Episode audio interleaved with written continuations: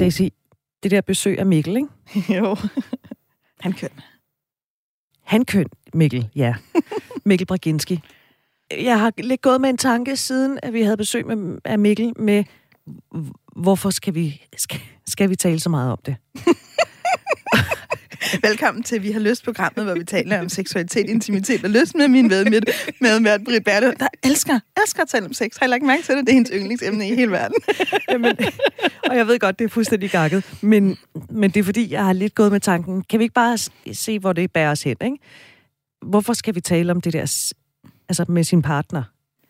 Klart i begyndelsen af et forhold. Hvorfor er det så, man skal tage den der snak? Kan vi ikke bare tage det, hvis det kommer? Jeg anerkender, det er vigtigt, men jeg kan mærke, at jeg er stadigvæk sådan lidt, behøver vi virkelig? Tale om det. Mm. Hvad er alternativet? Jamen, det er at lade være med at tale om det. og, og så kryds fingre for, at alt går godt. Nej, det er ikke det, jeg mener. vi krydser fingre, vi Nej, krydser fingre. men jeg synes bare, alternativet, eller det, som jeg jo har praktiseret i mit liv, det har jo været, at, øh, at så møder man en ny relation, og så øh, har man øh, intime stunder, som man siger, og så tager man den derfra. Ja. Men altså, hvis det virker, så virker det. Altså, det er jo, det er jo dejligt. Jeg tror, det er enormt vigtigt også, når vi, når vi nu også taler om de her ting, at det skal jo ikke være dogme, hvis man i virkeligheden møder en, og man kan mærke, at det føles godt, og de synes, det føles godt, og du synes, det føles godt, og det ene bliver til det andet, så, der er, jo, så er alt jo godt. Mm. Altså, go ahead. Det er der jo ikke, um, det er der jo ikke noget problem i. Vi behøver jo heller ikke at problematisere alt. Men jeg tænker da, at at det, der ligesom er ved at ske, også sådan en eller anden bredere kontekst, det er, at vi er blevet mere bevidste om som samfund, og så kan vi jo godt individuelt have nogle andre oplevelser, at det måske bare ikke altid er gået skide godt i de der, lad os se, hvor det bringer os hen situationer. Heller ikke i mit liv.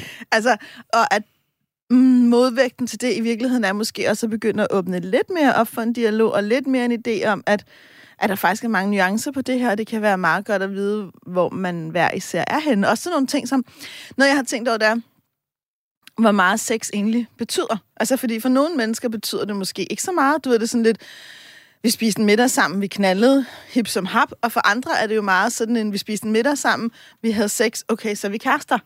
Og det er jo rigtig svært, hvis man har en meget forskellig tilgang til det, og så ender man med at gøre hinanden rigtig ked af det, fordi for den ene var det, ja, men om vi havde sex eller gik en tur i dyrehaven, det er lidt, hvad dagsformen er.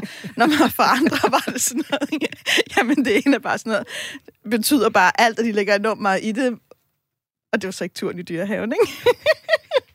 ja, det har du ret i. Men hvor meget betyder sex så første gang? Ja, det har jeg faktisk også tænkt meget over. Ikke? Øh, og jeg, jeg synes, det er super svært, fordi jeg tror, som fagperson vil jeg gerne sige, hvis man nu har sex en enkelt gang, og det ikke var perfekt, så giv det tid og tale om det. Og, altså, hvad kan, hvad kan gøre det bedre? Hvad oplevede du, og hvad oplevede den anden? Og man behøver ikke at være verdensmester til alting første gang.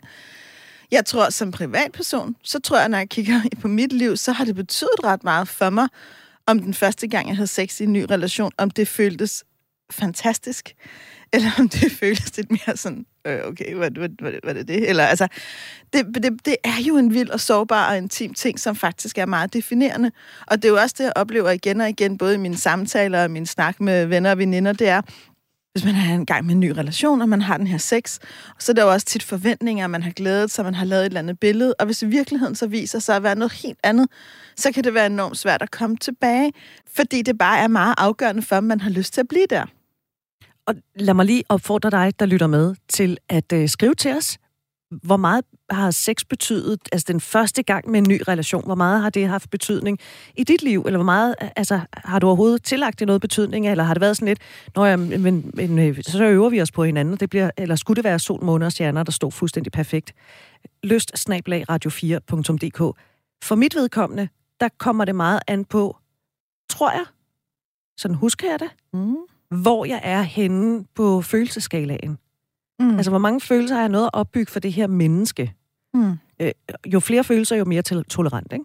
Jo. Forstår du, hvad jeg mener? Ja, så gør det ikke så meget, at øh, det måske var sådan lidt... Nå, fordi så griner vi af det. Ja. Og så øver vi os bare sammen. Ja, så beskriver du også, at der er en intimitet.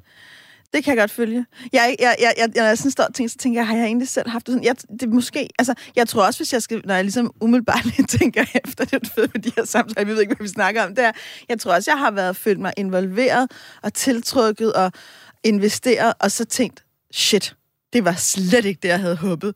Fuck, jeg har lavet en fejl. Eller, du ved, altså, men, men man kan så sige, nu har vi snakket om seksuel kemi i et tidligere program, og jeg har nogle gange tænkt over, at jeg tror jo et eller andet sted, ja, seksuel kemi, det findes. Ikke? Der er nogle mennesker, man har en mere seksuel kemi med, og jeg kan godt nu, og det har jeg faktisk stadigvæk lidt et spørgsmål om, hvor meget kan vi ændre det, hvis den grundlæggende kemi ikke er der?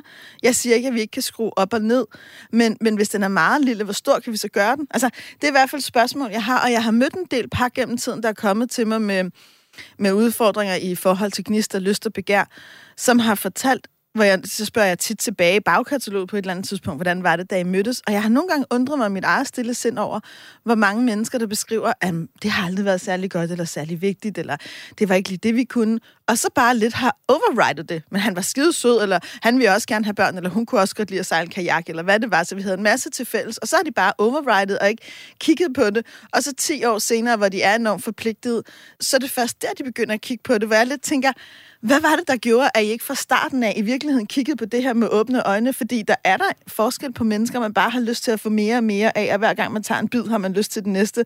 Og nogen, hvor man tænker, mm, ikke? Er det ikke der, hvor at følelserne så kan gå ind ligesom og smide en tog henover? Altså, fordi jeg er så glad for det her menneske, så herregud, det er lige meget. Det er jo, lige meget. både følelser, men følelser er mange forskellige ting, og også nogle gange illusionen, fordi vi vil så gerne have det her til at virke. Vi vil så gerne være i den her relation.